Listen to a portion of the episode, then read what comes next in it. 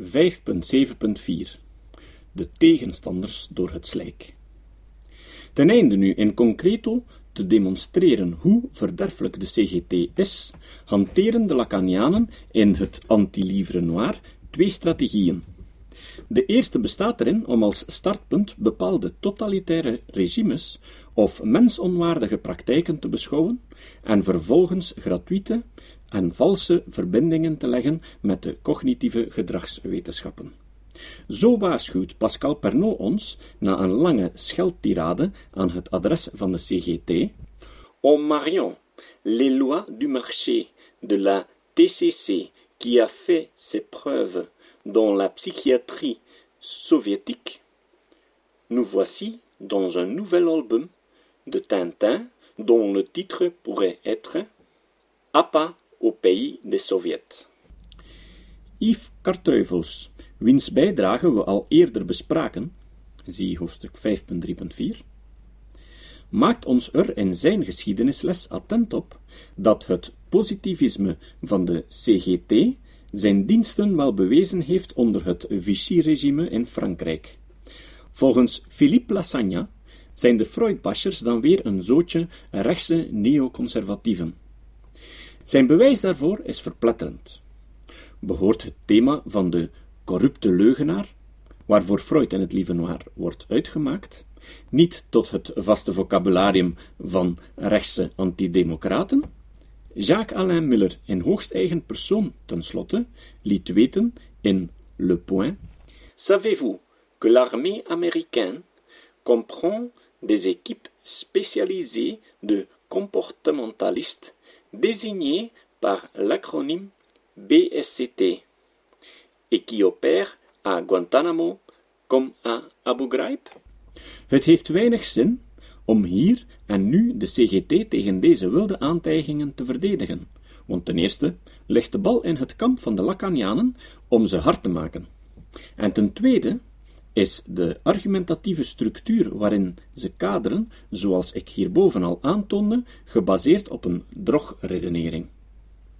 De tweede en meer gebezigde strategie bewandelt hetzelfde kronkelpad in de omgekeerde richting. In eerste instantie zoeken de auteurs een aangrijpingspunt in het discours van de CGT of in de beschrijving van een gevalstudie. Meestal gaat het om de beschrijving van één singulier therapeutisch geval, anekdotisch en zonder al te veel referenties, of om een fragment uit het werk van een cognitieve gedragstherapeut, waarbij de psychoanalyticus zich al dus vastpint op faux mots zoals efficiëntie, evaluatie of verifieerbaar. Leur soif intense de parenthèse enquête, fin parenthèse, de, entre parenthèses, études contrôlées, fin parenthèse, et autres, parenthèse, suivis longitudinaux, fin parenthèse. En ook nog, le but est toujours le même. Le dépistage le plus précoce, les signes de parenthèse, souffrance psychique, fin parenthèse, ou encore des signes de, parenthèse, mal-être, fin parenthèse, qui sont autant de manifestations de prétendus, parenthèse, besoin, fin parenthèse. En tenslotte, non seulement efficacité était désormais prouvée, parenthèse, scientifiquement, fin parenthèse, mais aussi, parenthèse, officiellement, fin parenthèse. De woorden in kwestie worden uit het discours gelegd, stevast tussen, tussen aanhalingstekens, verdachte, aanhalingstekens geplaatst, en dienen vervolgens als de uitvalsbasis voor een dubieuze associatieketen die zich langs vreemde hoeken en bochten slingert om uiteindelijk uit te monden in de verwijten als totalitarisme of vernietiging van het subject en bureaucratisme en zulks meer. Soms is het aangrijpingspunt het FOMO dat zich ergens in het discours van de CGT schuilhoudt en dat aan het begin staat van deze reeks associatieve bokkensprongen. Zodanig niets zeggend of triviaal dat de verdachtmakingen ronduit potsierlijk worden.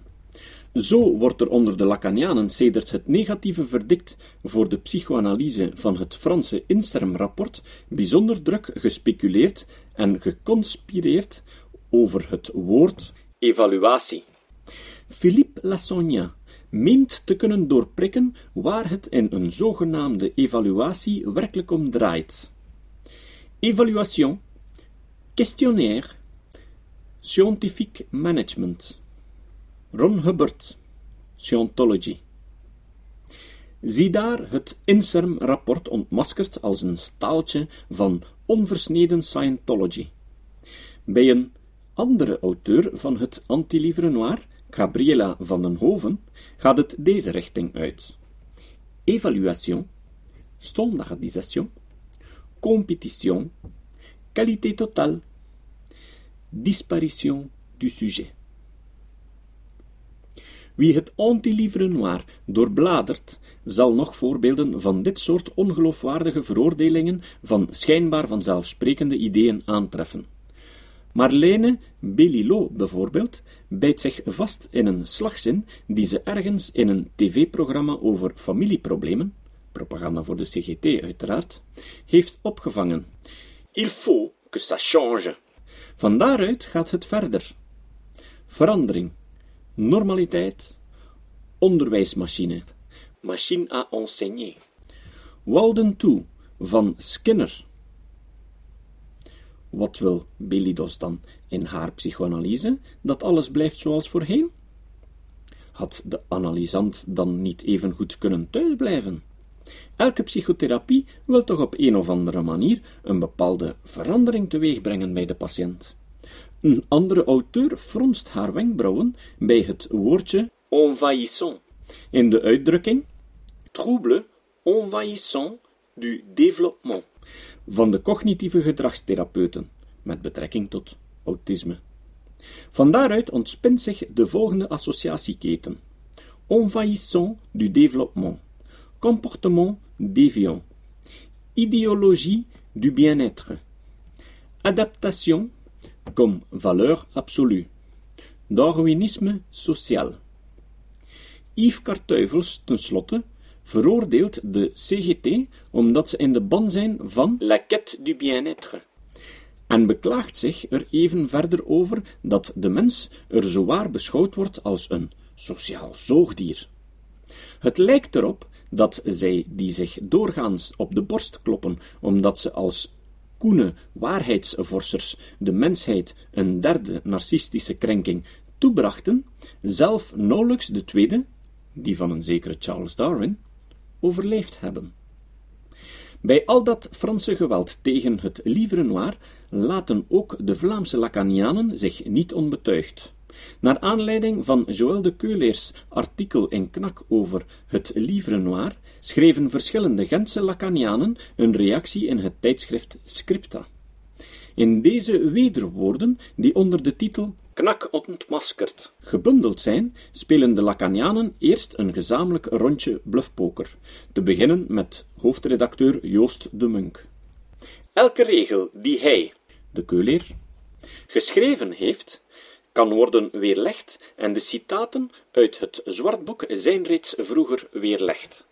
Peter de Kuiper noemt het Zwartboek ongefundeerd en Lieven Jonkheren heeft het over een indrukwekkend amalgaan van halve waarheden en hele leugens. Voor een nadere uitleg bij deze leugens hebben de Lacanianen helaas geen tijd. Een mens moet zijn prioriteiten stellen. Dus kunnen ze meteen overgaan tot de analyse van de werkelijke inzetten achter het livre noir.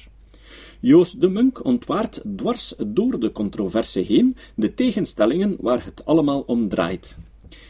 Gaan we voor een totalitaire samenleving, geregeld door vrije markteconomie, of voor een samenleving waar een subject het recht heeft op een zekere vrijheid?